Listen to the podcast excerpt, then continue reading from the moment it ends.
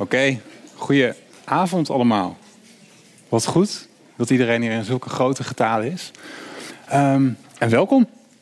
Mijn naam is uh, Tempels. Ik ben programmamaker bij Radboud Reflect. En ehm, zoals jullie misschien weten is vandaag de dag van de duurzaamheid. En in het kader van de dag van de duurzaamheid organiseren wij samen met hun ehm, een lezing over ongezonde voeding en over gezondheid. En wat, ik eigenlijk wat we vanavond willen doen, is jullie meenemen en verder laten denken over de impact van onze voeding op onze gezondheid en op een gezonde samenleving. Ehm, want Nederland wordt steeds ongezonder. We hebben het zelfs wel over een, dat er een soort obesogene samenleving ontstaat. En hoe komt dat nou? Hoe komt het nou dat we ongezonde voedingskeuzes maken? Worden we daarin gestuurd? Worden we daartoe gedwongen? En nog veel belangrijker is misschien wel de vraag: wat kunnen we nou doen om weer gezonder te gaan eten? Nou, daar gaan we het vanavond over hebben. Dat doe ik zeker niet alleen. Um, we hebben daarvoor twee uh, wetenschappers uitgenodigd. Uh, in de eerste plaats is, er, is professor Jaap Seidel hier. Hij is hoogleraar voeding en gezondheid aan de Vrije Universiteit van Amsterdam. En hij doet onderzoek naar de impact van voeding op de publieke gezondheid.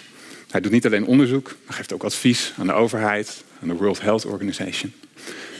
Naast zijn lezing gaan we ook luisteren, gaan we in gesprek met Esther Aert. Esther Aert werkt als cognitiewetenschapper uh, aan het Donders Instituut hier in Nijmegen. En zij kijkt naar de neurale mechanismen achter onze voedingkeuze. Dus wat is, hoe, hoe komt het nou dat we bepaalde voedingkeuzes maken? Wat zien we dan in het brein? En wat is de impact van voeding op ons brein? Veranderen er dan dingen? Nou, daar gaan we het over hebben. Hoe ziet de avond er dan uit? We beginnen zo meteen met de lezing van Jaap Seidel. Daarna gaan we samen met Jaap en Esther in gesprek. Gaan we wat verder kijken van oké, wat zijn nou de uitdagingen waar we voor staan? Wat gebeurt er in ons brein? Wat kunnen we doen? Wat moet er veranderen in de samenleving om die gezondere keuzes mogelijk te maken? En daarna is er nog best wel heel veel ruimte voor jullie om nog vragen te stellen. Dat is hoe de avond eruit ziet. Ik wens jullie heel erg veel plezier. En dan geef ik graag het woord aan Jaap Seidel.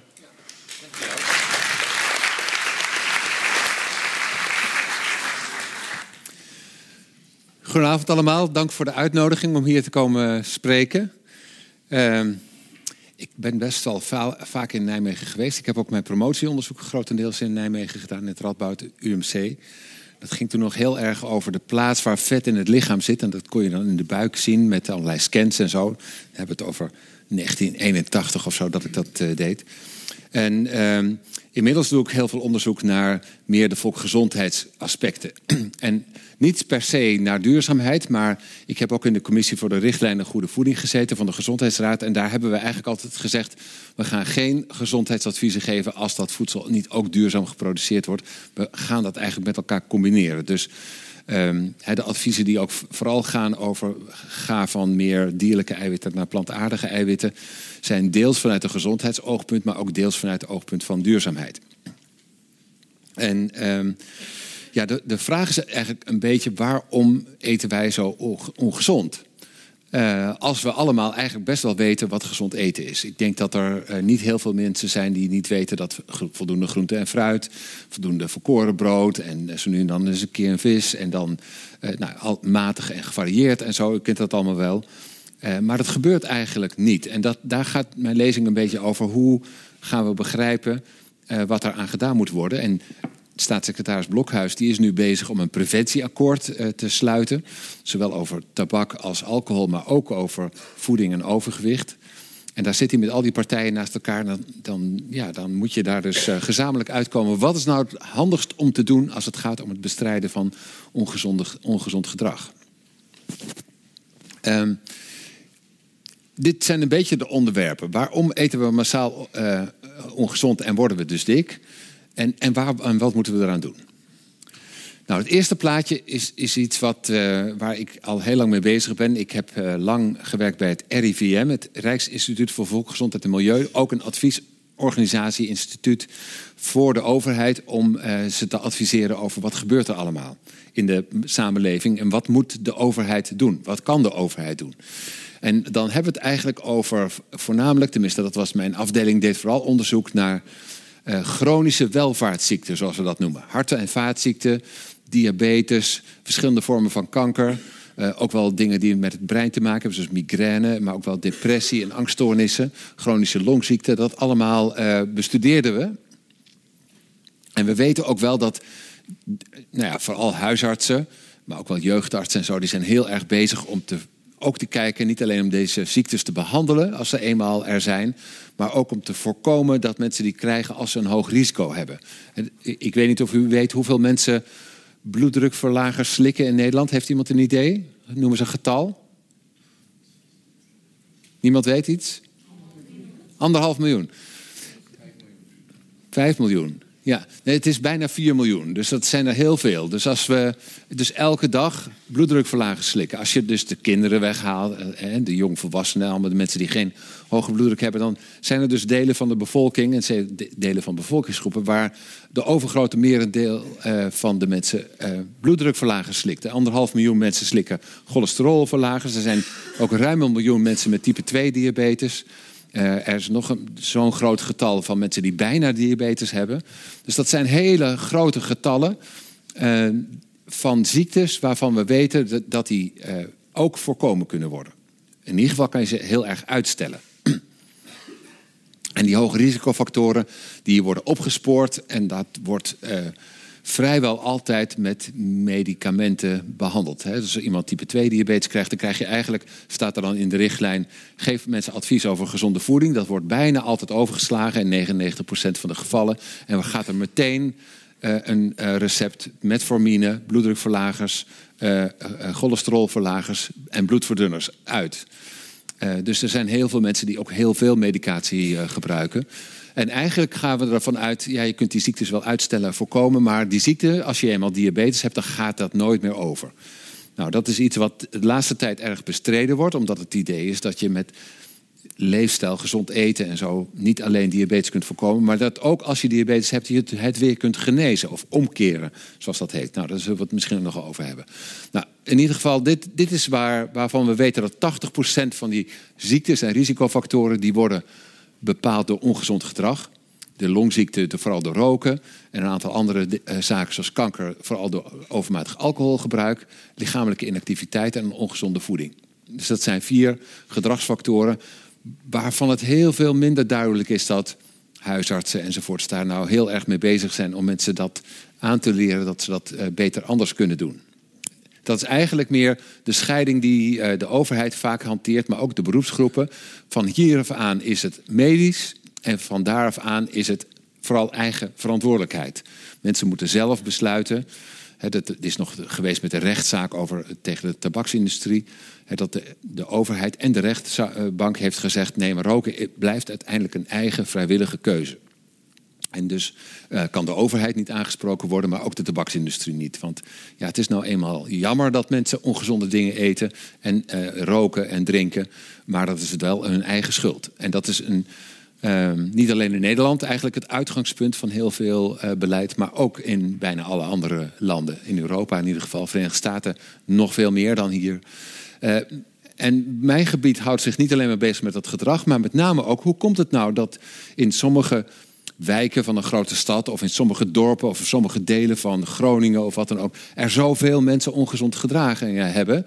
En dan kom je eigenlijk terecht op allerlei, wat wij dan noemen, sociale determinanten van gezondheid. Armoede, stress, onzekerheden, eh, eh, gebrek aan kennis, vaardigheden, mogelijkheden. Dat soort dingen die eigenlijk allemaal een rol spelen. Uh, leven in een grote stad, dat is op, zich al een, een, een, een factor die je wat doet. En dat zijn natuurlijk dingen waar dokters zich ook niet mee bezighouden. Maar de mensen die zich wel bezighouden met stadsinrichting of met transport of met uh, vestigingsbeleid van, van, van bedrijven of wat dan ook, die houden zich eigenlijk ook niet bezig met gezondheid. Dit zijn eigenlijk de achterliggende factoren van bijna alle ellende die we uh, kennen. Maar uh, het is heel erg lastig om daar beleid op te voeren, want dat is niet zozeer van het ministerie van VWS. Uh, en het is ook niet van één wethouder. Het is eigenlijk iets wat je op allerlei manieren moet gaan aanpakken. Nou, dat, daar komen we nog uh, over te spreken. Nou, nou ben ik zelf begonnen in 1981 met het onderzoek naar overgewicht. En toen was het eigenlijk heel simpel. Het idee uh, wat mensen toen hadden was... mensen eten te veel en bewegen te weinig en daardoor word je dik. En het advies wat je daarbij kunt geven is... beweeg meer en eet minder. Ehm, maar dat heeft nog eigenlijk niet geleid tot zeg maar, meer inzichten over waarom wordt de ene nou wel dik en de andere niet. En waarom, van welke dingen word je nou meer dik dan andere uh, voedingsmiddelen. Dus daar kunnen we het uh, ook wel over hebben. Over het algemeen merk ik dat als ik door journalisten word gepeld, dat ze zeggen: we weten echt niet meer waar we aan toe zijn. Er is enorme chaos, jungles, verwarring, uh, problemen, labyrinthen enzovoort. Die waar niemand meer de weg uit wijs is. Hè. Dus, dus die, die, journalisten praten met elkaar op redacties of wat dan ook. En dan zegt de ene, ik heb gehoord dat dit en ik heb gelezen dat dat. Ehm, en de adviezen veranderen maar steeds. Want de ene keer mag je dit niet en de volgende keer mag je iets anders weer helemaal niet. En als je kijkt naar de richtlijnen goede voeding en over waar... Uh, wetenschappers het over eens zijn. Hè, want dat wordt ook gezegd. Wetenschappers zijn het over niets eens. De ene zegt je mag geen koolhydraten, de andere zegt je mag geen vetten. De derde zegt je mag geen vlees. De vierde zegt je mag geen bonen of geen rijst of geen, nou ja, enzovoort. Uh, geen zuivel. Uh, en uh, dat is eigenlijk niet zo. Ik, ik ben lid van een initiatief, de True Health Initiative heet dat. Dat is een beetje, een beetje zweverige naam, maar dat is van een aantal hoogleraren uit de Verenigde Staten die op een bepaald moment gezegd hebben: zullen wij eens even aan alle hoogleraren vragen voeding in heel de Verenigde Staten, maar ook in Europa, of zij het met bepaalde dingen eens zijn of niet.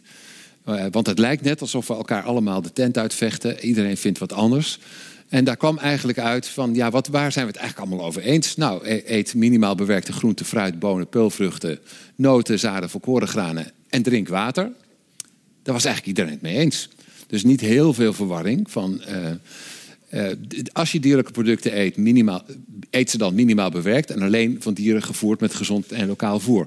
Dat heeft niet alleen met dierenwelzijn te maken, maar ook wel met gezondheid. Ik heb het laatst nog een keer, had ik het er met Herman Wijfels over. Toen hebben we eigenlijk gezegd, gezonde mensen eten gezonde voeding van gezonde dieren of gezonde gewassen uit een gezonde bodem. Dat is eigenlijk het verhaal.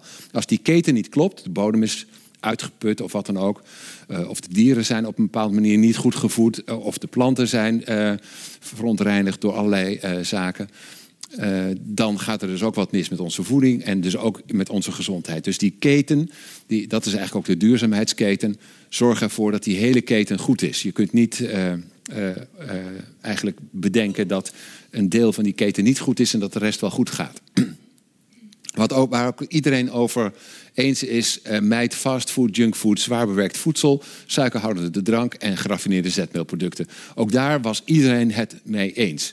Dus eigenlijk uh, is het niet zo dat uh, er heel veel verwarring is. Dit is ongeveer wel wat iedereen vindt, die zich verdiept heeft in voeding en gezondheid. Maar toch lijkt er heel veel verwarring. Ik weet niet of u het daarmee eens bent, maar heel veel mensen uh, uh, die uh, mij mailen, bellen of twitteren enzovoort, die zeggen: ik, ik weet het echt niet meer. Want mijn dokter zegt dit en die zegt weer dat. En daar heb ik weer dat gelezen. En dan schijnt het weer zo te zijn dat melk eigenlijk helemaal niet goed voor je is, maar dat je daar allerlei enge ziektes van krijgt. En dat geldt eigenlijk ook voor brood en dat geldt eigenlijk ook voor vis en dat geldt eigenlijk ook voor. En wat is er nou allemaal waar en wat niet?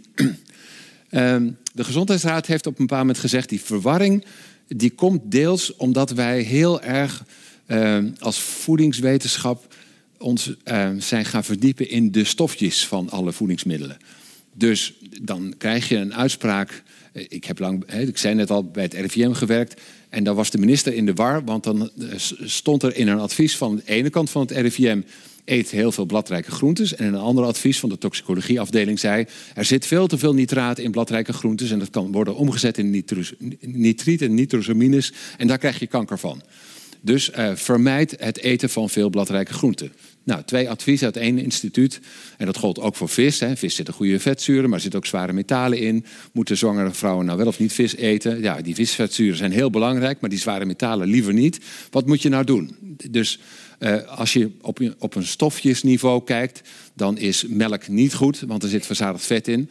Of het is wel goed, want er zit heel veel eiwit en calcium en allerlei andere dingen in. Dus al die voedingsmiddelen hebben verschillende aspecten, waarvan een deel gunstig is en een deel ongunstig. Sommige daarvan zijn gewoon groentes die zichzelf verdedigen tegen uh, verraad, eh, zou ik maar zeggen. Dus er worden allerlei toxische stoffen gemaakt. Daarom eten wij geen rauwe bonen en geen rauwe aardappels en dat soort zaken, omdat het vol zit met allerlei stoffen die niet goed voor ons zijn. Maar als je ze helemaal kookt, is het wel oké. Dus het hangt ook nog af van de bereidingswijze. Dus de Gezondheidsraad heeft op een bepaald moment gezegd: zullen we nou stoppen met al die stofjes? Want dan worden we, het is te ingewikkeld. Er zitten soms duizenden stoffen in een bepaald eenvoudig voedingsmiddel, zoals koffie of zo. Uh, en uh, die hebben allemaal bioactieve uh, aspecten. En daar moeten we dan een weging van gaan maken. Misschien moeten we veel meer kijken naar voedsel. Want dat eten mensen. Is dat nou gunstig of niet? en ehm, naar voedingspatronen. En uiteindelijk is er een beetje aan de hand van dat lijstje wat ik net ook gaf, waar iedereen het over eens was, krijg je dit soort patronen. Bijvoorbeeld, eet het eet mediterraan. Mediterraan niet zoals we nu eten in Athene of in Napels of in Madrid of wat dan ook. Maar mediterraan zoals ze nog in de jaren 50 of 60 aten op de eilanden in de Middellandse Zee. Dat, dat was nou veel verse groenten, noten, uh, olijfolie en uh, wat wijn eventueel, verse vis en dat, dat soort dingen. Daar, dat past eigenlijk allemaal wel heel goed bij elkaar. We weten ook dat de mensen die dat nog steeds eten, dat je daar heel weinig van die chronische welvaartsziektes uh, ziet. En ehm, ja, ik weet niet wat u, wat u verder opvalt aan die. Hè, maar je ziet hier natuurlijk geen producten die ook in de supermarkt in al die zaken staan. Hè. dit, als ik dit laat zien aan een, in een achterstandswijk, ik geef ook lezingen in van die wijkgebouwen in, uh, in Amsterdam Noord of Amsterdam Nieuw West of daar. En het eerste wat mensen zeggen is: dat is heel duur eten. dus wat, wij, wat mensen rond de Middellandse Zee, gewoon de boerenbevolking, eigenlijk elke dag at, het kostte bijna niks. Dat haalde je namelijk uit de tuin en uit de zee of uit de rivier of wat dan ook. dat is nu heel duur eten geworden. Want extra virgine olijfolie, want dat moet het dan wel wezen. Verse vis, noten, vers fruit en groenten. Uh, dat is nog best wel heel duur. Als je dat nu op de markt gaat kopen, dan is dat uh, best wel lastig. Uh, tweede wat ze zeggen is: Ik weet niet wat ik hiermee moet doen. Ik kan niet, ik kan niet koken. Ik heb geen tijd. Ik heb geen, mijn keuken is niet toereikend. Ik weet ook niet hoe je, hoe je zo'n vis schoonmaakt. Of, nou ja, enzovoorts. Dus we hebben ook eigenlijk heel weinig mogelijkheden. Je kunt dus dat advies wel geven, maar waarom volgen mensen niet heel eenvoudig dit advies op? Omdat ze geen kennis, geen vaardigheden, geen mogelijkheden en geen geld hebben om dit te, te eten. Dan zijn er natuurlijk wel andere mogelijkheden om dat, daar wel wat aan te doen, maar uh, vanzelf gaat het zeker niet. Dus voor ons lijkt het nog. Wie kan hier zo, als ik zo'n kistje mee zou geven, uh, in een half uur voor drie, vier mensen iets, iets heel lekkers maken? Ja, ja, die zitten dus hier. Ja. Ik kan u niet zo heel veel leren, denk ik. Nou, dit is een beetje een rare samenvatting. Je kunt het misschien ook helemaal niet lezen. Maar dit is een beetje een samenvatting van allerlei grote studies waarin gekeken werd. Welke, hè, daar werden lijstjes ingevuld door mensen. Zo gaat het dan heel vaak. Ik, doe ook heel veel van dat soort onderzoek. En dan kijk je of mensen dikker worden of niet. En of dat samenhangt met bepaalde voedingsstoffen. En dan zie je eigenlijk dat, uh, dat is een heel rijtje. En dan pak ik even mijn bril erbij, want anders kan ik het ook niet eens meer lezen. De, bovenaan staat potato chips, dat weet ik nog wel. En dan heb je de frietjes, en dan heb je de bewerkte vleeswaren... En dan heb je het rood vlees en dan, enzovoort. dit zijn dingen, dit zijn verschillende studies. Dit zijn hele grote uh, studies met heel veel mannen en vrouwen die uh, lang gevolgd zijn. En, um, en, dan zie je hier ook dat de, de, de, snoepjes en de toetjes enzovoort. De geraffineerde granen. En hier zie je de dingen die geassocieerd zijn met gewichtsverlies of minder gewichtsstijging. En dat zijn yoghurt, fruit, uh, volkorenproducten, noten, groenten enzovoort. Uh, dus dat, en dat komt eigenlijk uit al die studies. Dan laat ik het even zien. Bijna al die onderzoeken, er zijn er duizenden van, die laten allemaal ongeveer hetzelfde zien. Dit zijn bewerkte voedingsmiddelen voor het grootste gedeelte. Uh, veel dierlijke producten en dit zijn de plantaardige producten en de yoghurts en dat soort uh, zaken. En bij de dranken is het ook duidelijk. Uh, suikerharde dranken zijn niet goed. vruchtensap eigenlijk ook niet zo. Iets beter, maar niet, toch niet zo geweldig. Maar als je dan naar melk gaat kijken, dan is die volle melk ook niet zo heel erg een probleem. En dan heb je hier nog de light frisdranken, daar komen we misschien ook nog over. Daar heb ik een akkefietje mee met de staatssecretaris. Of dat nou of het nou verstandig is om dat nou enorm aan te gaan bevelen. En uh, waar we eigenlijk op uitkomen is dat uh, we hebben het altijd over wat mensen wel moeten eten, maar niet heel duidelijk over wat mensen niet moeten eten. He, dus in Nederland heb je een schijf van vijf, in Vlaanderen heb je de, de, de voedingsdriehoek. En daar staat allemaal in wat je vooral wel moet eten. Veel groente, veel fruit enzovoort. Maar er staat niet heel duidelijk in wat je niet mag eten. Want dat, is, mag je dan zelf weten. Dus vrije ruimte en zo. Ja, best ingewikkeld. Uh, en de Wereldgezondheidsorganisatie en wat andere organisaties. Ik zag toevallig net vanmiddag, uh, toen ik voordat ik hier naartoe ging, dat ook het Franse parlement hier zich over uitgesproken heeft. Er is een categorie van voedsel wat we eigenlijk uit onze samenleving moeten halen. Tenminste in overmaat, want dat is echt het probleem. En dat noemen we de ultra-processed food, het ultra-bewerkte voedsel.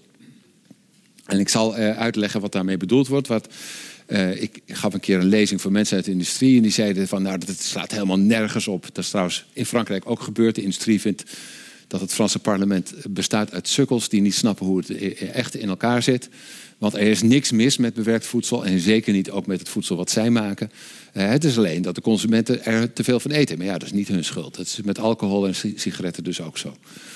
Um, en dat, uh, ja, de, daar is toch wel veel overeenstemming voor. Dat het juist het eten van dat soort producten is wat de problemen veroorzaakt. En ik zal uitleggen hoe dat uh, komt. Maar ik, ga eerst even wat meer vertellen over de soorten van producten. Nou, je hebt, als, als, u, als u dus zelf gaat koken, ook met kruiden enzovoort, en u vlees en groenten en eh, nou ja, al dat soort dingen, dan is dat ook wel bewerkt, maar dat is geen ultra bewerkt voedsel. Dus dat, daar is niks mis mee.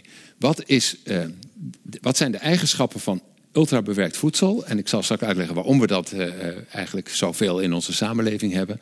Dat is uh, houdbaar, het is uh, goedkoop, het is makkelijk, het is lekker. Het is, nou ja, ook, je kunt het zo opeten. Um, als u naar een station gaat of naar een supermarkt of naar een sportkantine, dan kunt u gewoon zien dat wat ze daar verkopen, dat is meestal dat. Het is veilig, dat is dus heel belangrijk. Hè? Dus het is je kunt het jaren in je kast hebben. Ook staat er een houdbaarheidsdatum op. U kunt het gewoon in uw kast zetten en na vijf jaar weer eens openmaken. Of na tien jaar. En dan kunt u het gewoon nog weer opeten. En dat is nog steeds goed. Uh, dus dat is. Uh, daarom kun je het ook heel goed transporteren. Van de ene kant naar de andere kant. Eh, het is ontzettend lekker. Want daar is ontzettend aan gesleuteld door alle levensmiddelentechnologen. Ik, ik werd opgeleid als voedingswetenschapper in Wageningen. En dan naast ons was de afdeling levensmiddelentechnologie. En wij waren allemaal aan het uitleggen en het uitvinden wat mensen niet moesten eten. En zij maakten die producten die mensen dan vooral niet moesten eten. En die maakten ze uh, ook onweerstaanbaar lekker. Uh, dat zal ik straks uitleggen hoe ze dat dan gedaan hebben. Maar dat is wel een, een van de uh, grote verworvenheden van die technologie. Dus aan de ene kant is het best wel goed, hè, want dan gooi je het ook niet weg. Uh, dat je, als je het lang kunt bewaren. Maar aan de andere kant is het ook wel iets waar je mee moet oppassen. Uh, en, en je kunt ze dus overal eten. En dat doen wij dus ook. We eten overal. Heb ik tegen een zeer scheen geschopt? Nee, hè? nog niet. uh, goed. Um, en, en ze vervangen dus ons eigen eten wat je normaal zelf zou maken. En je kunt ze dus opeten, uh, ook gewoon voor de televisie of achter je computer enzovoort. Ideaal. Want dat is uh, in onze maatschappij echt wel ideaal. Want uh, we hebben dat eens uitgezocht. in de jaren 60 besteden mensen nog ongeveer twee uur aan een, het kopen en bereiden van eten.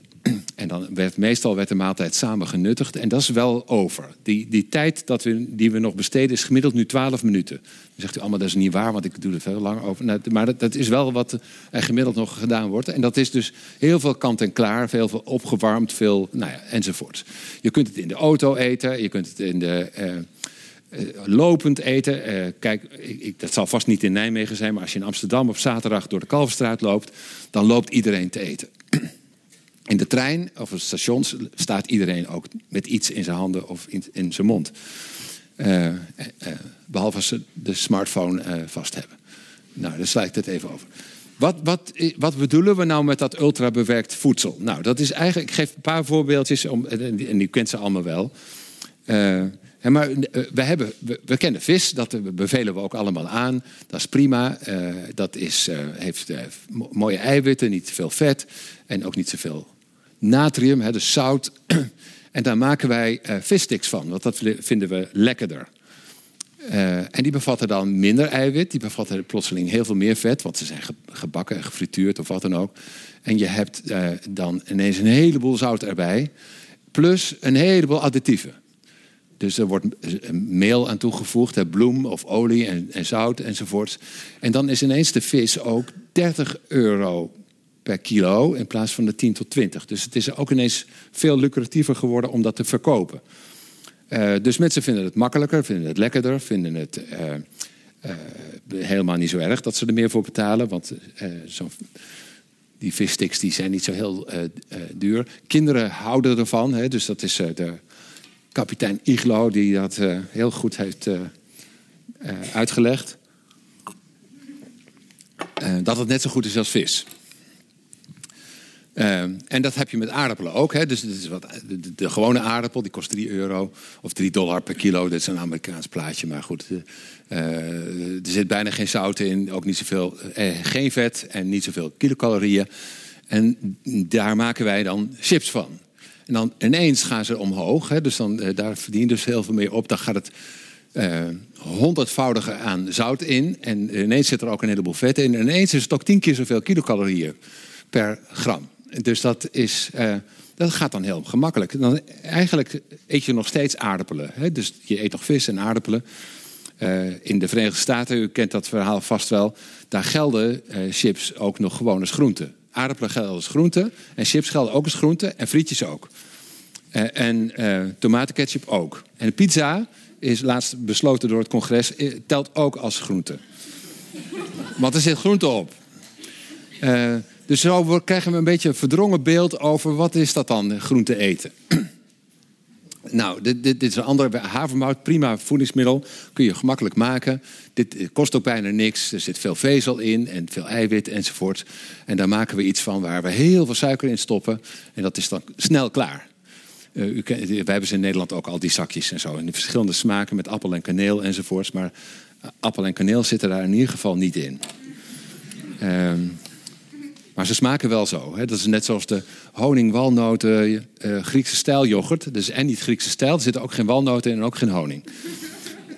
maar dat mag wel. Hè? Het, het, mag allemaal uh, wel zo verkocht worden. Nou, zo zijn er nog een heleboel. Uh, en dit plaatje laat ik niet zien omdat het iets bewijst of zo. Maar dat geeft twee dingen weer. Dit is de hoeveelheid, het percentage van ons voedsel wat we eten in de vorm van dat ultrabewerkt voedsel. En dit is het aantal mensen met overgewicht. Nou, daar kun je altijd plaatjes van maken, die, die bewijzen niks. Maar waarom ik het laat zien is dat in sommige landen ongeveer een kwart van het voedsel bestaat uit dat ultrabewerkt voedsel. Uh, en dat andere landen, zoals de Verenigde Staten, twee derde van het eten wat ze allemaal gemiddeld eten, dat bestaat uit dat ultrabewerkt voedsel. Is dat relevant? Verklaart dat een beetje misschien waarom ze zo ontzettend dik zijn in de Verenigde Staten? Nou, mogelijk wel. Het is, geen bewijs, maar het is wel zo dat er een enorme variatie is. Wij zitten ongeveer hier. Zo bij, bij Duitsland. um, dus eigenlijk zegt het voedingscentrum in de schijf van vijf niet heel erg, eet wel dat en dat en dat. Maar ze zeggen niet heel erg, eet vooral niet dat ultrabewerkt voedsel. En wat is er de afgelopen 50 jaar vooral in onze voeding gebeurd? Niet dat mensen heel veel meer volgens de voedingsrichtlijnen van het voedingscentrum zijn gaan eten. Dat was namelijk 5% toen ik studeerde in de jaren 70 in Wageningen. En dat is nu nog steeds 5%.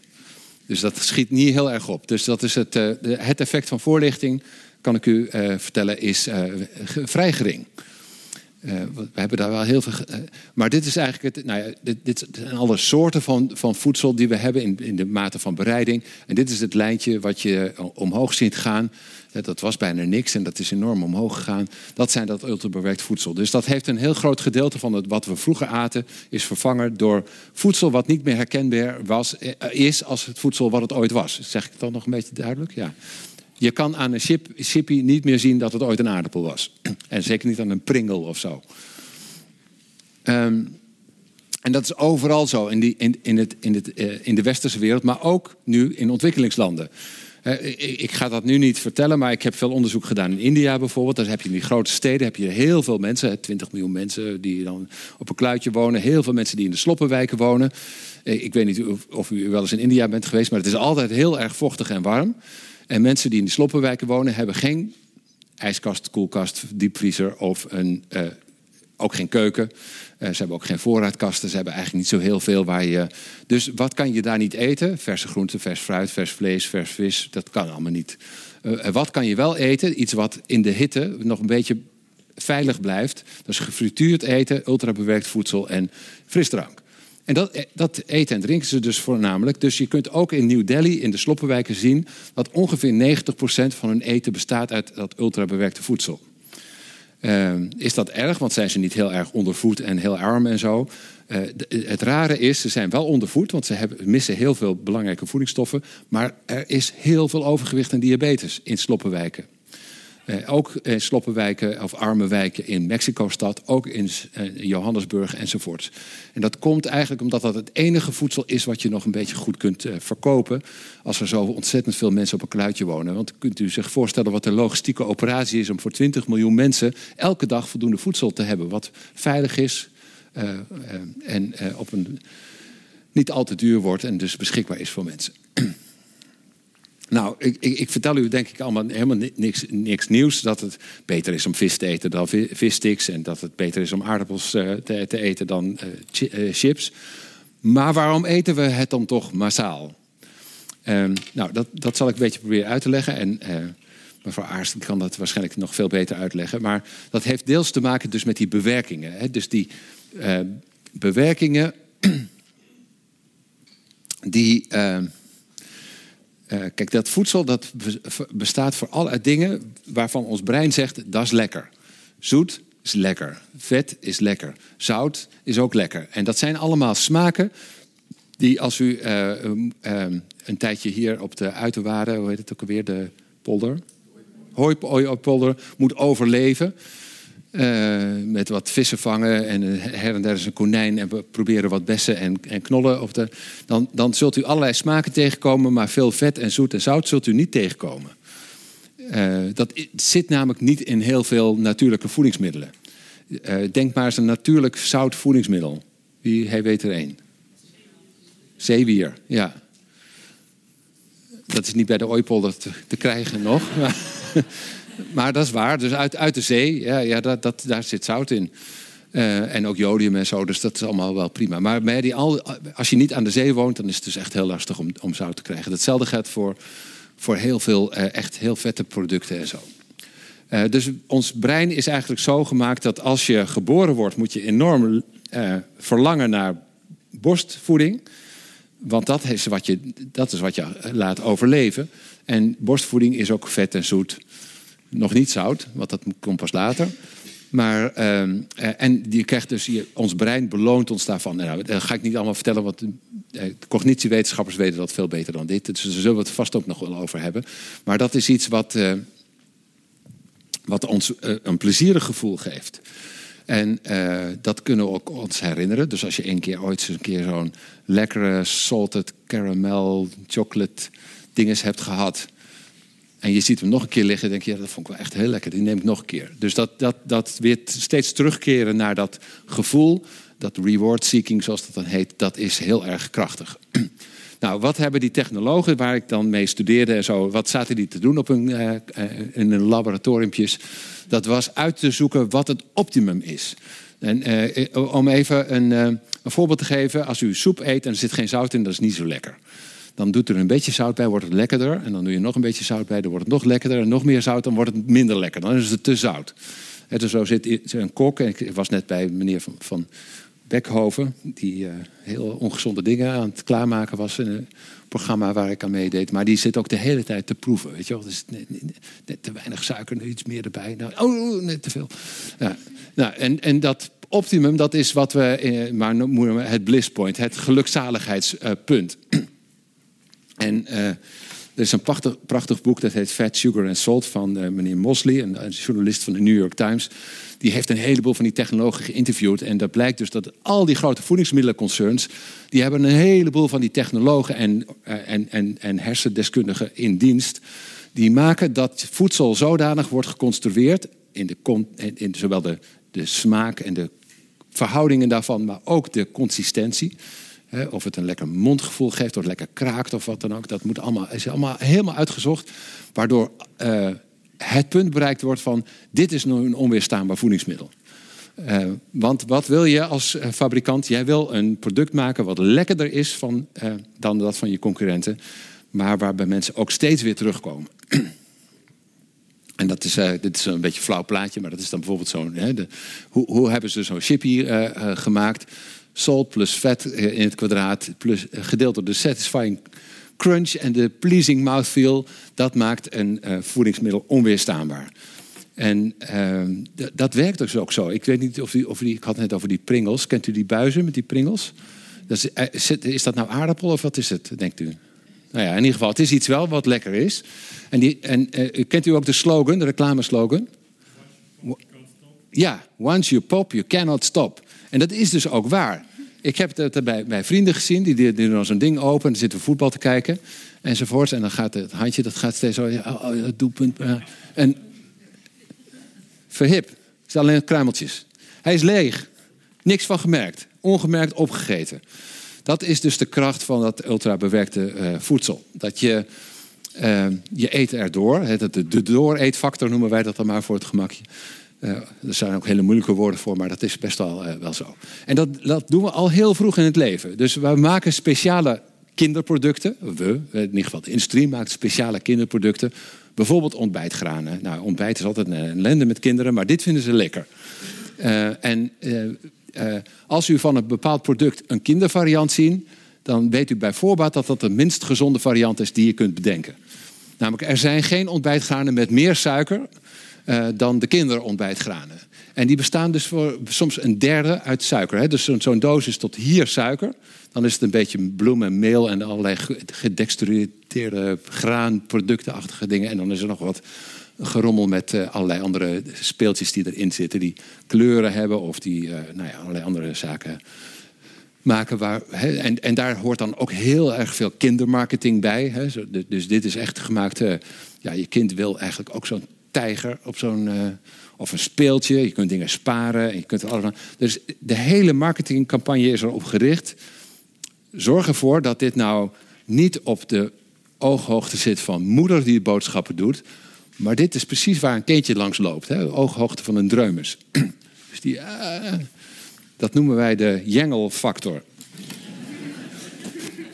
Dat als je je kind mee naar de supermarkt, dat je hem de hele tijd moet meeslepen, omdat hij allemaal leuke dingen heeft gezien. Die heel lekker zijn, maar eigenlijk niet gezond. Uh, en daar wennen we onze kinderen dus ook heel erg aan. Aan een overmaat van suiker. Iets wat je nooit zelf in je cornflakes zou doen. Namelijk een derde eh, eh, van, van, van, het gewicht van die cornflakes ook nog als suiker erin gooien. Namelijk 20 scheppen of zoiets. Dat zit wel gewoon in die pakjes. En die geef je aan kinderen en ze smullen ervan. Dus je denkt, dat doe ik nog een keer.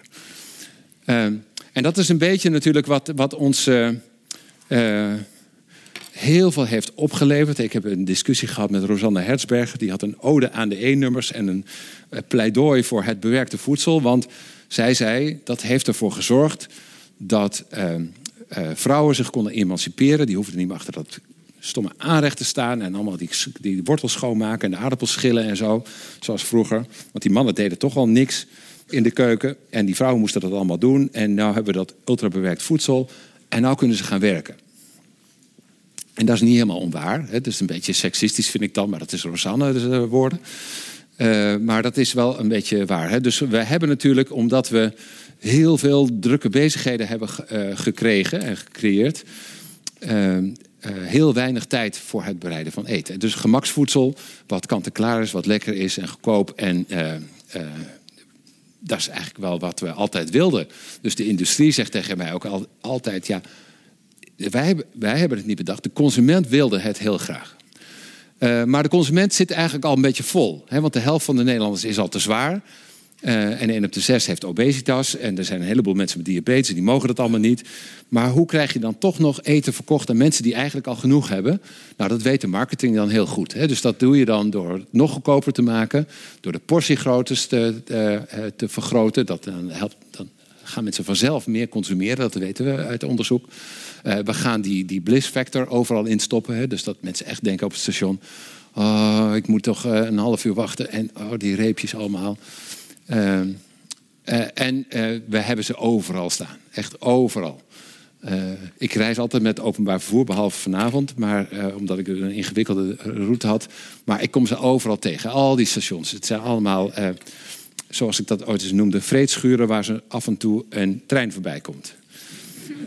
en dat is eigenlijk wat, wat, waarom doen we dat? Omdat er, ja, de voedingsmiddelenindustrie, daar hebben wij alles aan overgelaten. En de voedingsmiddelenindustrie die heeft aandeelhouders en die hebben van alles en nog wat. Die hebben maar één doel, namelijk veel verkopen en winst maken. Want dat is nou eenmaal ons systeem. Dus dat doe je dan op die manier. Daardoor krijg je dat mensen heel veel suiker, vet en allerlei andere dingen eten. En dan krijg je al die welvaartsziekten. Je ziet het voor je ogen gebeuren. Ik, ik was uh, uh, in de jaren 60 al eens een keer in Beijing. En uh, ik keek mijn ogen uit. Er waren 2 miljoen fietsen of zo. Weet je, alleen maar fietsen. En overal stalletjes met groenten en, enzovoort. En ik kwam er 40 jaar later nog een keer. Geen fietsen meer te zien. Geen stalletje meer te zien. Alleen maar fastfoodketens en auto's in de file. Weet je, en wat zaten die mensen te doen in de file? Die zaten achter het stuur de fastfood op te eten. Nou ja, goed, dat is allemaal heel efficiënt. Dus we hebben allerlei tijdsbesparende dingen uitgevoerd, waardoor we nu eigenlijk helemaal geen tijd meer hebben voor iets anders. En zeker niet om te koken. Dus wat, wat is de, de samenvatting? Waarom, waarom, eten we dus van dat, uh, van dat voedsel? Omdat daar enorm goed over nagedacht is. Uh, sterker nog, als ik het aan heel veel mensen vraag, en we hadden het net al even over kunnen mensen wel of niet koken, geloof ik.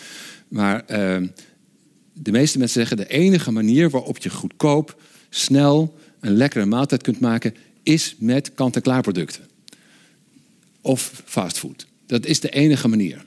En, en wie heeft ons dat aangepraat?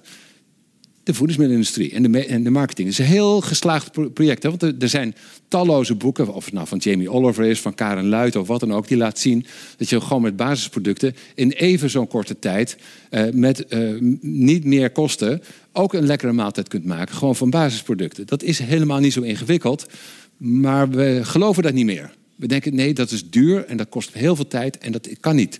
dus die 12 minuten recepten van Jamie Oliver, dat zal wel niet kloppen. Uh, want dat kan alleen maar met pakjes en zakjes.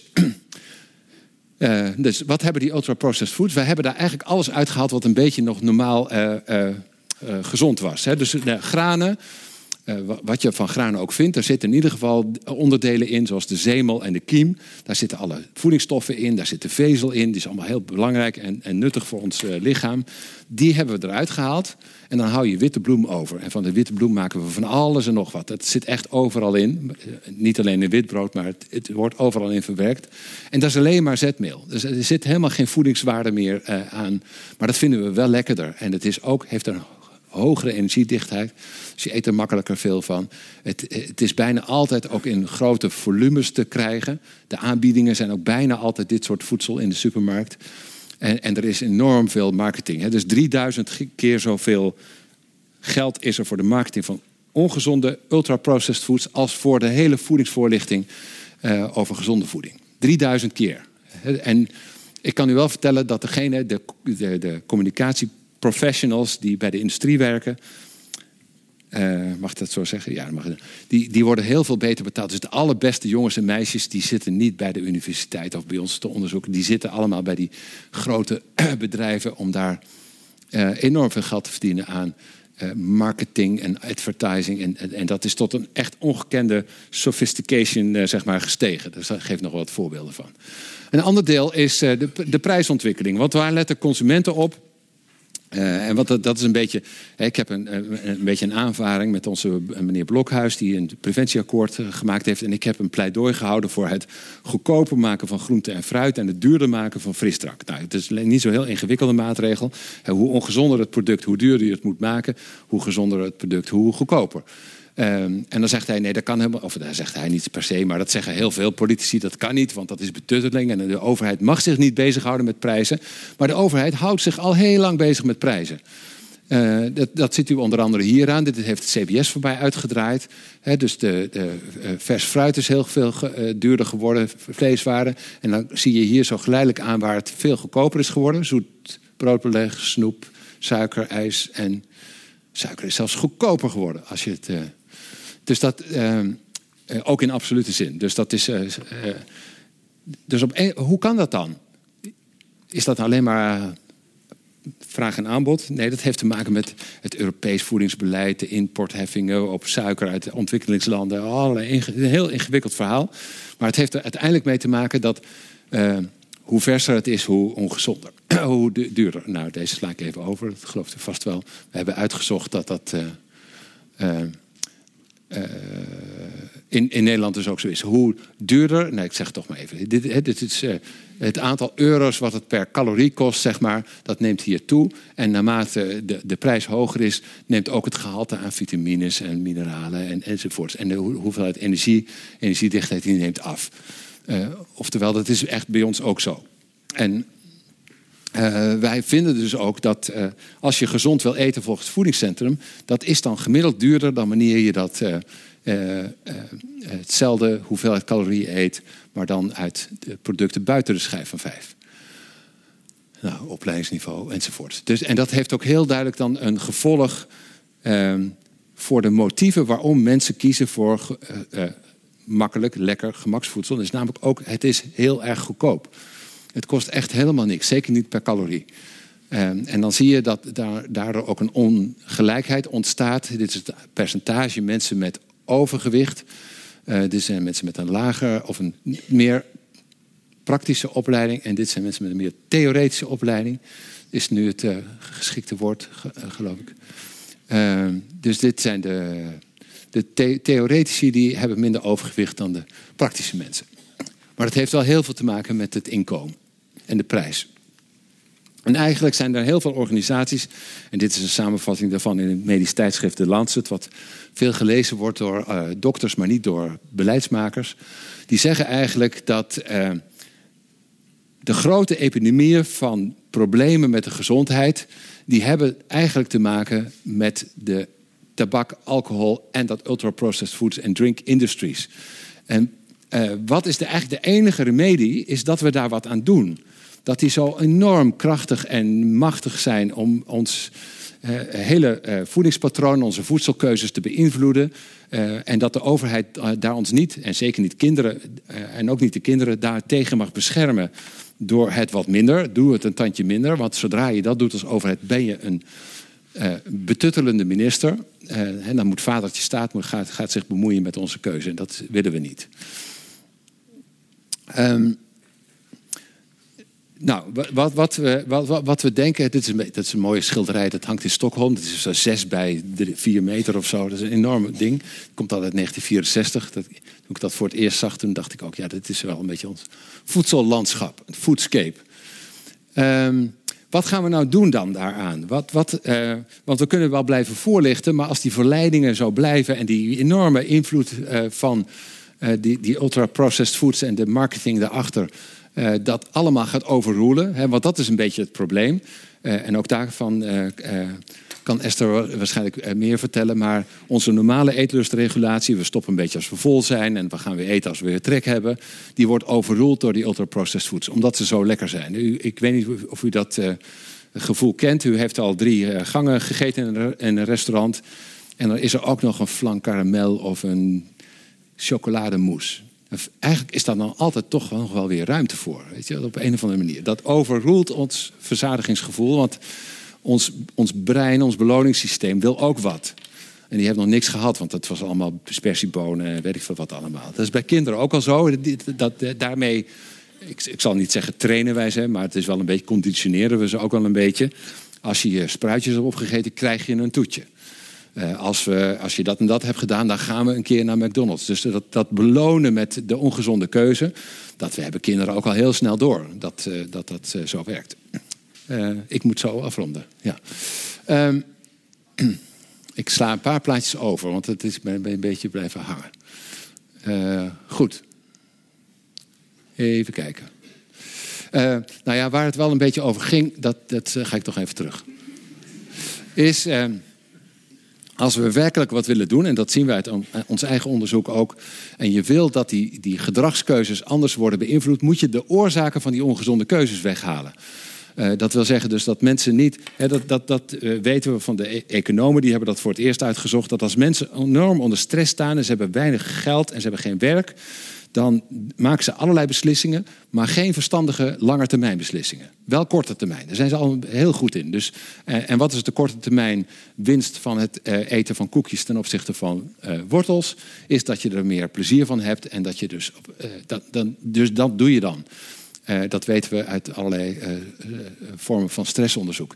Dus als je niet wil dat mensen voortdurend eigenlijk aan het zijn, aan, aan troost eten, bij, bij, bijvoorbeeld, of het emotioneel eten, dan moet je die stressfactoren weghalen. De armoede weghalen, de kennis vergroten, de, de, de, de, de, economische factoren, maar ook de fysieke omgevingsfactoren, de verleidingen. Die moet je zoveel mogelijk weghalen. Je gaat ook een Ehm, een alcoholist niet heel erg helpen door hem eh, eh, naast een café te zetten of een slijterij. die, die moeten dan op afstand. En dat geldt eigenlijk voor ons allemaal, want we zijn geen alcoholisten, maar we zijn wel ontzettend verslingerd aan al die lekkere dingen. Nou, daar sla ik ze alsnog wel over. Nou, dat heeft wel een beetje te maken, dat, ik heb daar eigenlijk geen tijd voor, maar het idee wat nu bestaat is dat eigenlijk het helemaal niet zo is dat we allemaal hetzelfde advies moeten hebben, maar dat ieder een van u een apart advies zou moeten hebben op basis van uw DNA en allerlei andere profielen. Uh, en dat dus alle deze kindjes, uh, de ene moet tomaten eten en de andere moet broccoli en de derde moet juist vlees of geen vis eten. Uh, omdat ze allemaal een uniek profiel hebben wat maakt dat hun voedingsgewoontes totaal anders zijn. Nou, ik geloof daar helemaal geen bied van. Dat was eigenlijk de boodschap. maar er zijn wel hele dure programma's van. En ook de industrie zet maximaal in nu op dat personalized nutrition. Want dan hoef je namelijk niks aan je voedingsmiddelen te veranderen. Je gaat alleen met algoritmes tegen mensen zeggen: jij moet vooral dit eten, jij moet vooral dat eten. En Nestlé die heeft nu ook een database waarin mensen dan wangslijmvlies moeten gaan inleveren. En dan krijgen ze een persoonlijk advies van Nestlé-producten, wat zij dan vooral moeten gaan eten. Uh, en dat is iets wat. Uh, de industrie heel goed uitkomt, want dan is het toch weer de keuze, dat is het weer aan het individu. Als je dat nou uh, opvolgt, dat advies, is dat prima. Maar het is jouw eigen keuze. En uh, de producenten hoeven eigenlijk niks te veranderen. Want voor sommige mensen zijn de Milka chocolades echt best wel een heel goed idee. En voor anderen niet. Dus het blijft gewoon, het aanbod blijft gewoon bestaan. Uh, en je maakt met algoritmes duidelijk dat sommige mensen meer van dit en van dat moeten eten. Ik denk dat dat eigenlijk een grote scam is. ik denk wel dat je persoonlijk advies moet geven. Dat is absoluut, dat doet, elke diëtist doet dat ook altijd. Dat heeft ermee te maken met hoeveel gezondheidskennis en vaardigheden heb je. Hoeveel voedselvaardigheden heb je eigenlijk. En kan je eigenlijk wel dingen veranderen? Heb je daar problemen mee? Zijn er bepaalde dingen waarmee je ondersteund kunt worden? En iedereen verschilt wel in die competenties of eigenschappen. Dus dat moet je dan doen. Ja, ik ben zo klaar. Uh, want ik wilde het toch even kwijt. Nou, uh, dus uh, mijn, mijn, uh, dat is het idee van stroomopwaarts. De achterliggende factoren van die ongezonde keuze die we massaal doen. Hè, sommige wijken is, heeft drie op de tien kinderen overgewicht in Amsterdam, waar ik onderzoek doe, in andere wijken maar 5 op de 100. Dus het is een enorm verschil. En dat begint al op vijf maanden oud. Dus dan is er allemaal nog helemaal geen sprake van keuzes. Dan is het gewoon sprake van beïnvloeding door de omgeving. De achterliggende factoren die maken dat uh, cultureel, sociaal, uh, economisch, fysiek enzovoort, die dat maken. En daar moet je eigenlijk je aandacht aan, uh, aan besteden. Goed, dit komt nog een keer. Als ik een keer terugkom. Maar wij, wij doen dat dus ook. We, we, hebben dus een aanpak gemaakt waarbij de, bijvoorbeeld de kinderen en de gezinnen centraal staan. Maar waarbij we eigenlijk zeggen, we moeten eigenlijk zorgen dat alle standaard omgevingsfactoren, die maken dat mensen keuzes maken of wat dan ook, dat dat de standaardkeuze is de gezonde keuze. Dat is de vanzelfsprekend. Dat is niet zo dat we dan ongezonde keuzes verbieden, maar die worden gewoon een stuk moeilijker. Dan moet je om vragen, moet je meer geld voor betalen, moet je nou, op allerlei manieren. Uh, op, op den duur word je een beetje raar aangekeken als je nog met een colablikje op school aankomt. Of een energiedrank, want dat, het, standaard is we drinken water. Uh, dus dat is het idee achter die uh, aanpak. En dat doen we met supermarkten, waardoor we ander aanbod creëren. Met voorlichting door de vakkenvullers in de supermarkt aan de klanten. en met de ondernemers in Amsterdam zelf. Dus Nemo en Artis en Amsterdamse Bos en al die grote instellingen waar heel veel kinderen altijd komen, die hebben nu veel gezondere keuzes. Uh, goed. En uh, dat is wel iets wat we natuurlijk uh, vergeten zijn bij dat hele gepersonaliseerde idee, het individualisme, het geen tijd meer besteden aan eten, geen aandacht, alles kant en klaar eten, is dat we daarmee ook eigenlijk de sociale functie van ons voedsel verloren hebben. Want uiteindelijk begint verbroedering bij het delen van voedsel. Dus de conclusies zijn, en dan ben ik over mijn tijd heen helaas uh, voor, voor uh, de discussie. Die welvaartsziekten waar wij zo ontzettend veel mee te maken hebben. Miljoenen mensen die daar last van hebben. Er komen er heel veel meer bij de komende jaren. dat is vooral de overconsumptie van die ultra-processed foods. Dat vindt ook de Wereldgezondheidsorganisatie en dus ook de Franse overheid, maar niet de Nederlandse overheid. Uh, wij moeten eigenlijk zorgen dat, dat we de impact van dat voedsel proberen terug te dringen. Dat betekent dat we dappere politici nodig hebben. Ook dappere uh, mensen aan, in de top van het bedrijfsleven en zo. Die zorgen dat daar een ander beleid op komt. we moeten ons veel meer richten op de omgeving dan op dat individueel behandelen en, en voorlichten van mensen. En we moeten wel persoonlijk advies geven als dat toch moet. Maar hou dat dan vooral op de kennis en vaardigheden die mensen wel of niet hebben. Dank u wel.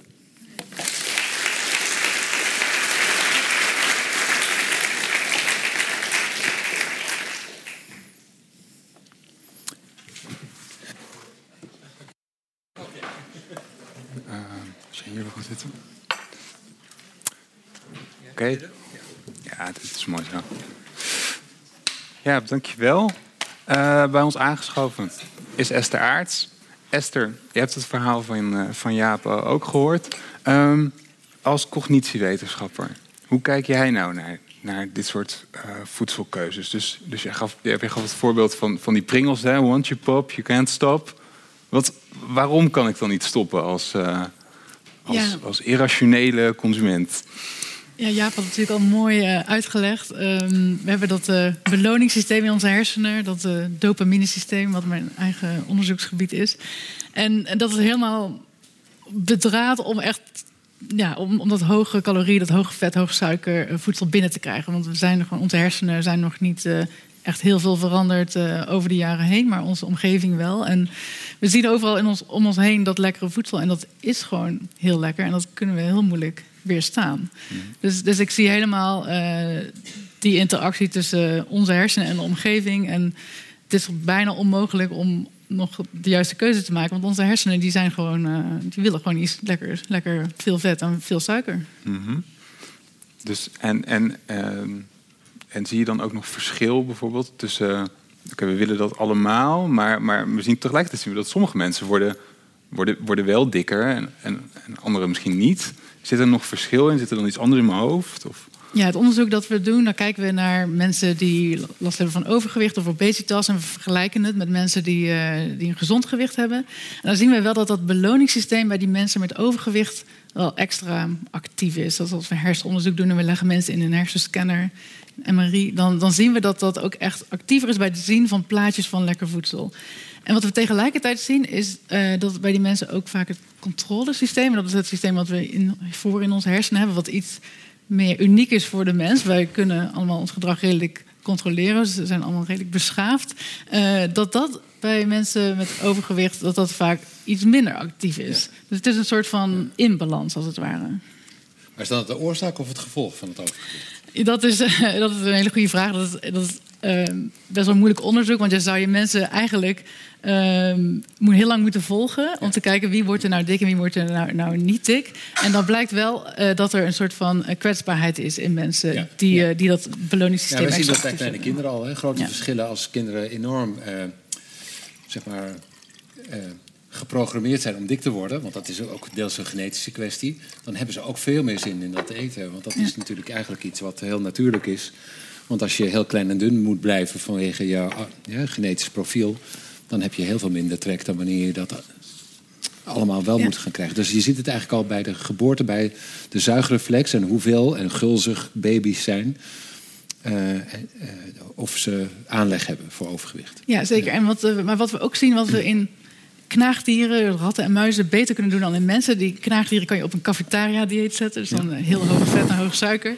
En dan, dan laat je ze dus dikker worden. En dan zie je ook wel verandering in de hersenen. In beloningsgebieden, maar ook in die gebieden voor in de hersenen. En die gaan echt ja. minder goed functioneren. Dus ja. eigenlijk heb je, kom je in een soort van negatieve spiraal. Ja, het is zowel oorzaak als uh, gevolg. En dus met een ongezond dieet wordt het ook moeilijker om nog de goede beslissingen te nemen. En om moeite te doen om te koken of om naar de fitness te gaan, et cetera.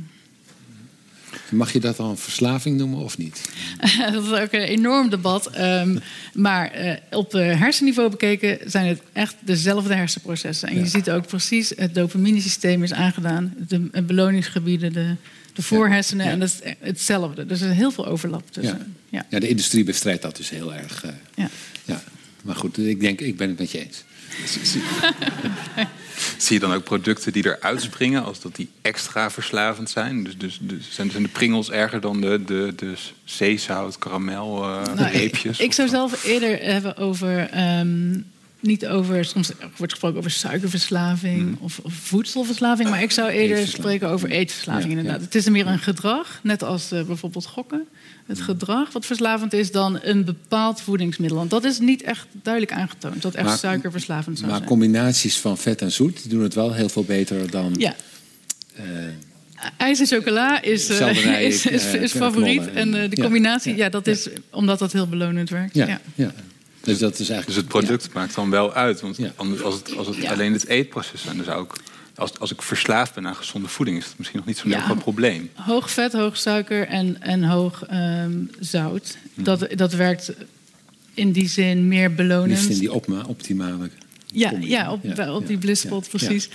Um, maar uh, om nou te zeggen dat suiker verslavend werkt op zich, suiker op zichzelf, dat is uh, nog controversieel in het onderzoeksgebied. het is meer het sleutelen aan die samenstelling waar jij ja, en dat geldt voor vet ook. Hè? Want je ziet eigenlijk nooit iemand met een fles olijfolie, zal ik maar zeggen. Eh, nee. Of alleen maar een zak suiker of zo in de, in, in de trein zitten. Om, uh, ja. uh, het is eigenlijk altijd toch wel weer iets bewerkt. Hè? Waarbij ja. toch weer de consistentie anders is. En, nou ja. Dus behalve smaak is dus ook echt die, die consistentie van belang volgens mij. bij dat gevoel wat, van overeten. Ja. Ja. Jij gaf al aan van we, we, zouden eigenlijk meer naar de sociale context ook moeten kijken om tot die verandering te komen. Um, um, hoe doen jullie dat? Kijken jullie daar in het lab ook naar? Van, van hoe kunnen we mensen nu, kunnen mensen, hoe kunnen we mensen van hun verslaving afhelpen? Um, ja, wij kijken meer op het individu, dus wij kijken naar, naar de hersenen. Dus we kijken echt meer naar het individu op zichzelf. En uh, wij kijken naar hoe zou je een individu misschien weerbaarder kunnen maken tegen mm -hmm. zijn of haar voedselomgeving. En dan uh, kan je bijvoorbeeld kijken, kan je iets aan die stress doen? Stress door armoede, dat is moeilijk om iets aan te doen. Maar er zijn ook heel veel mensen die emotioneel eten door stress op het werk of stress in het gezin of, of wat dan ook. En dan kun je misschien wel met bijvoorbeeld mindfulness training proberen die stress omlaag te krijgen. Een ander aspect is dat, dat eten achter de tv, met, bij de voetbalwedstrijd, of ja. uh, dat eten met de smartphone in je hand. Uh, daar weten we van dat onaandachtig eten, dat, dat vergroot. Je eet meer tijdens die maaltijd, maar je eet ook meer, je eet weer sneller opnieuw. Ja, Want jij kan gewoon minder goed herinneren dat je hebt gegeten. En dat kan je ook aanpakken door mensen aandachtig te leren eten. En daar kan je ook mensen op trainen. En als je heel aandachtig eet, dan blijkt ook dat, dat zo'n uh, chipsje eigenlijk niet zo lekker smaakt als een nootje. Want een noot geeft eigenlijk veel meer smaak. En zit het best wel een oppervlakkige smaak. Maar mensen eten heel onaandachtig. En die eten dat allemaal naar binnen en die blijven dat maar eten. Maar als je mensen, je kan mensen trainen, bijvoorbeeld met mindful eten hebben wij gedaan. En dan kan je mensen trainen om aandachtig te eten, maar ook te snappen wanneer ze nou gaan eten, wat hun slechte gewoontes zijn. En dan zie je zelfs dat in de hersenen, diep in het brein, waar die dopaminecellen zitten, in die beloningsgebied, dat die minder actief worden bij het zien van eten na een mindful eten training dan naar een controle training. Dus, dus we zien wel, je kan daar misschien op individueel niveau ook wel iets aan doen. Ja. Maar het is wel heel veel werk. Hè? Dus het, ja. Uh, ja. Uh, ik, ik, ik, vergelijk het altijd maar als je in een klas één kind hebt dat niet goed mee kan komen, of een student in een groep of wat dan ook, dan geef je die extra aandacht en misschien bijles en dat soort dingen. Maar als nou de helft van de kinderen niet mee kan komen, ja, dan ga je dat niet meer doen. Dan ga je de omgeving veranderen. Dan ga je het lesmateriaal of de, de ga je nadenken over de kwaliteit van de leraar of wat dan ook. Maar in ieder geval, dan ga je naar de collectieve dingen denken. En als je in een land zoals de Verenigde Staten leeft, waar 75% van de mensen te zwaar is hè, en 40% heeft obesitas, ja, dan kan je, die kan je niet allemaal mindfulness trainingen geven. Dan moet je echt de omgeving veranderen. Dat, hè, dat heeft echt te maken ook met die enorme aantallen. En, uh, ja, dat, ik, ik, ik, ben het wel zeker met je eens dat, uh, dat dat het grootste effect zal hebben. Alleen ja, moeten we leidzaam afwachten tot de overheid iets doet, tot de industrie iets doet. Ik nee, denk nee, dat je, moet wel, wel um, je moet natuurlijk mensen helpen. Ja. Dat weet ik wel. Maar eigenlijk is het heel natuurlijk on, in, inefficiënt. Hè? Ja, om eh, een heel groot deel van de Nederlanders eh, eh, te leren hoe ze om moeten gaan met hun omgeving. Terwijl als je dan, hè, dat is een beetje. hè, Pieter Breugel, de oude, die, teken, die schilderde altijd die, het lui lekkerland, hè, het land van Kokanje en zo, waar, de, waar alles lekker is en je de hele dag op de grond kan liggen snurken, als je zin hebt. Eh, en eigenlijk zeggen wij, ja, we hebben wel zo'n omgeving, maar je moet er wel in gaan rondrennen en je mag eigenlijk niet, niet veel eten. Hè? En dat is echt heel moeilijk, omdat ik weet niet of dat, eh, dat werkt even, maar uiteindelijk ga je toch weer voor de bijl, denk je niet? Ja, je het- dat- er zijn wel studies die mensen proberen te trainen om gewoontes om te draaien. En dus, dus echt een, gewoonte, een goede gewoonte van te maken. Of om inderdaad met mindfulness of meer aandacht. Ja. En die laten wel wat effecten zien. En ook wat op lange termijn. Maar echt langere studies die echt op een hele lange termijn kijken, die zijn er nog best wel weinig. Ja, ja. En het is inderdaad heel veel werk. En het gaat ook om maanden training. Ja, ja. Om ons weerbaar te maken tegen onze omgeving. Dus ik denk Die we dat. zelf gecreëerd hebben eigenlijk. Ja, dus, ik denk is, dat het beleid dat dat wel inderdaad efficiënter is. Ik ben het mee eens. Dus dat in, ja, dus en ja, maar wat voor, wat voor laat ik het maar interventies noemen, zou jij voorstellen? Dus, dus aan de Nou ene ja, kant dat, zeggen, dat is een beetje eh, eh, de vadertje staat betuttelingsinterventies. Ja, ja. Hè, Dus dat we, op, we hebben op alle scholen in, eh, in Amsterdam, de basisscholen, het zijn 120, eh, de zogenaamde jump-in scholen, daar hebben we gezegd, je mag alleen maar water drinken. Als je op school bent. Je mag best een drankje meenemen. Dat nemen we in. Mag je mee naar huis nemen als je naar huis gaat. Maar je drinkt op school alleen maar water. Je, krijgt, je mag alleen maar gezonde tractaties meenemen. Je moet een gezonde lunch meenemen. En er is heel veel meer tijd voor beweegonderwijs. Eh, dat, dat vonden ouders in het begin echt een heel raar idee. Dat de school zich daarmee bemoeide. Maar ze zijn eigenlijk na, na een maand of zo zijn ze ermee klaar. En nu doen ze dat gewoon al, overal. Dus al die kinderen die zijn gewend als je dorst hebt. Dan zijn er overal waterpunten en waterkoelers en, en fonteintjes om eh, te drinken. Eh, en die talen eigenlijk helemaal niet meer naar een frisdrankautomaat of naar iets anders. Weet je? Dat, want dat kost dan weer geld. Eh, dus je moet, eh, als je die gezonde keuze eigenlijk heel vanzelfsprekend en overal aanwezig maakt, net zoals dat ongezonde voedsel nu standaard op stations en in eh, cafetaria's en zo is, ja, dan kun je de boel ook omdraaien. Dan krijg je dus eigenlijk. en, en een ander voorbeeld is dat we kinderen voedselonderwijs geven. Dat wil zeggen, dat maak je ze ook wat meer weerbaar. Maar ook bijvoorbeeld kooklessen en, en tuinieren. En dat hebben ze in Nijmegen ook gedaan. We, hebben dat eh, ook uitgewisseld.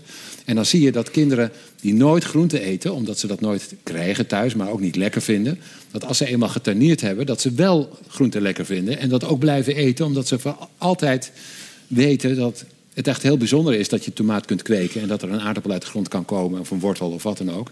En dat je die kunt opeten en dat je die ook kunt koken en met elkaar kunt eh, delen.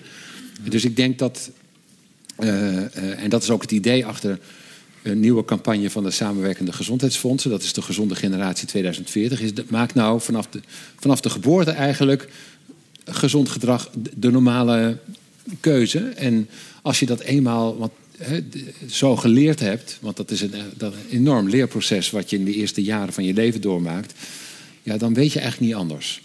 En ik denk dat dat dus heel belangrijk is. En dat zijn echt wel collectieve maatregelen, omdat de hele scholen en kinderdagverblijven gewoon omswitchen naar ander aanbod. dus dan, dan hebben we het over meer publieke actoren. Ja, Nou, dan, gaat, dan zit er natuurlijk één grote olifant in de kamer en dat is de industrie. Er zijn ook mensen die zeggen, ja, eh, zonder dat aanbod, zonder het ongezonde aanbod, is er, eh, is er, geen, ongezond, is er geen ongezondheid. In ieder geval niet door voedsel. Ehm, zijn ook mensen, ja, misschien moeten we wat meer vertrouwen hebben in de industrie. Moeten we niet gewoon met ze samenwerken? Moeten ze niet die gezonde keuze gaan faciliteren? Ehm, Esther, hoe, hoe, eh, hoe kijk jij daar tegenaan? Ja, ik denk dat de industrie wil inderdaad vooral geld verdienen. Dus het is best wel moeilijk om de industrie te veranderen als er geen beleid op wordt gemaakt door de overheid. Eh, anderzijds voelt de industrie ook enorm de druk van de maatschappij. En willen ze ook heel graag ehm, wel producten maken die minder zout zijn of minder suiker hebben en die toch lekker zijn. Of ze willen bijvoorbeeld kleinere verpakkingen van ehm chocoladerepen of zo. En dat- een kleinere verpakking toch ook even voldoende werkt als een iets grotere verpakking. En ik denk dat we daar wel mee kunnen helpen om, om dat inderdaad net zo belonend te maken. En, en, en daar is de industrie ook naar op zoek in die samenwerking. Van hoe kunnen we nou meer maatschappelijk verantwoord uh, ondernemen? En hoe kunnen we nou voor zorgen dat onze producten die gezonder zijn, toch even belonend zijn en even lekker zijn? En in mijn ervaring is de industrie daar wel mee bezig. Ja, maar nog niet heel, met heel veel effect. Hè? Want dat, er is een, uh, een akkoord productverbetering met de industrie afgesproken. En het RIVM die, dat, dat, die monitort dat al uh, een hele tijd. En die ziet eigenlijk dat er wel producten zijn waar wat minder zout en suiker in zit, maar dat grosso modo eigenlijk toch wel gewoon constant blijft. En het is natuurlijk ook best wel lastig om tegen een fabrikant te zeggen: maak nou dingen die gewoon iets minder lekker zijn dan die van je. Hè, want dat is. Uh, en niet zoveel marketing.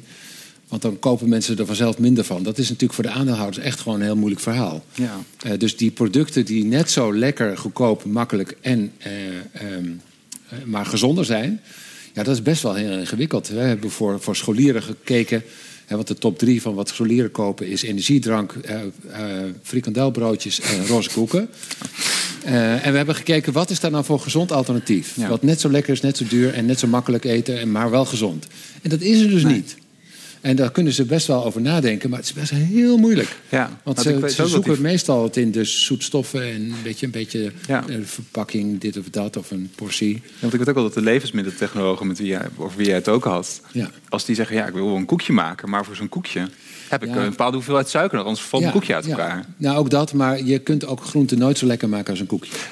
Dus dat is, weet je, de, tenminste, ja. Nee, maar wat wel kan, is, is het groente dan op een andere manier belonend maken. En, en dat is ook onderzoek wat hier op de universiteit gebeurt. En proberen leuke figuurtjes bij, aan de groente te koppelen. En dat kinderen het echt leuk vinden om groente te kopen. Of noem een groente als snoepgroente. Dan vinden kinderen het al leuker om te eten, want ze eten toch snoep. Terwijl het groente ja, is. En... Ja, ik, ik, ken dat onderzoek. We hebben het zelf ook gedaan. Albert Heijn heeft ge geëxperimenteerd met de Rock Frogs, heette dat dan, hè, op al die gezonde producten. Zaten dan die mascottes. Maar omdat de, de SpongeBob en de Frozen figuurtjes enzovoort, die, die zijn toch van de industrie. Weet je? En dat vinden kinderen toch leuker. Dus het werkt wel een beetje. Maar ja, tenzij je ook SpongeBob op de speciebonen kunt zetten, heb je pas echt een equivalent. Hè? Want die, uh, eerlijk gezegd, die, die Rockfrogs zijn ook alweer... waren echt een beetje stunterig, vond ik ze zelf. uh, want, want ontworpen door marketeers die niet zo goed betaald ja. worden als... Uh, ja, maar, maar dat bedoel ik ook, want dat, zou, dat zou dan ook juist... Ja. De, in, de industrie zou dat ja. kunnen aan, aannemen als, als strategie... om op die manier toch beter maatschappelijk verantwoord bezig te zijn... om ook met de verpakkingen te werken. Nou, ze zitten aan tafel bij het preventieakkoord... en ik heb ze dit nog niet horen zeggen, dat ze mm. dat van plan waren. Dat roept, misschien, uh, dat roept misschien dan nog de vraag op inderdaad. Want wij, de, de, die jump-in schools, dat zijn redelijk, uh, laat ik het meer, meer softe interventies uh, noemen. Uh, is het dan niet zo? Moeten we niet gewoon, moeten, over, moeten staatssecretaris in je volgende gesprek, moet hij niet gewoon op de tafel slaan en zeggen: Het is nu klaar met die kindermarketing, we stoppen ermee? Ja, dat zou hij zeker moeten zeggen. En, maar hij gaat het niet doen. Waar, waarom gaat hij dat dan niet doen? Omdat de industrie zegt dat, dat gaan wij met elkaar oplossen. Wij hebben een zelfreguleringscode, wij gaan allemaal stappen zetten. en wij gaan zorgen dat, uh, dat wij uh, vrijwillig doen. Uh, en dan krijg je vier jaar de tijd voor. En dan is tegen de tijd dat het wordt geëvalueerd de staatssecretaris weer vervangen door een andere. Nou ja, dat is een, een beetje cynisch hoor. Maar het is natuurlijk, dat is gebeurd de afgelopen uh, 15 jaar. Is dat er hele kleine stapjes in de kindermarketing zijn gezet. Het is verplaatst van tv-reclame naar online marketing en naar games en allerlei andere uh, zaken. Maar het is er nog steeds. En in de supermarkt is het helemaal vol met kindermarketing. Uh, dus dat werkt toch niet zo heel goed. Dus ik, ik, ben voor een krachtiger overheid. Maar ik weet ook dat minister Klink dat een keer probeerde. En dat hij meteen werd afgeserveerd als de minister van Betutteling. Ja. Uh, en uh, dat, daar is hij niet helemaal meer uh, bovenop gekomen. um, nog één laatste vraag aan jullie beiden eigenlijk. Dan gaan we morgen waarschijnlijk allemaal weer de supermarkt in. Heb je nou één tip? Als ik een gezondere keuze wil maken, waar moet ik op letten? Als er één ding om te kiezen, Esther. Um, ik zou het dan vooral in het gedrag zoeken en eens even nagaan waarom je altijd nou meteen naar die bepaalde sectie gaat. En of dat wel de juiste, uh, scha het juiste schap is om naartoe te gaan. Ja, dus ik passeer en die, die, Even uh, bewust zijn van waarom, altijd, waarom volg ik altijd deze route in de supermarkt en waarom ga ik niet naar dit schap met bijvoorbeeld de groenten. Okay. Ja. ja, ik zou zeggen leer zelf koken. Leer zelf koken. Ja. Kijk. En ga gewoon koken. Oké. Okay. met die tips uh, ronden we de avond af. Ik uh, bedank mijn sprekers, Esther Aarts en Jaap Seidel. Ik bedank jullie voor jullie aanwezigheid. En uh, ik wens u allen een hele fijne avond. Dankjewel. Dankjewel. Dankjewel.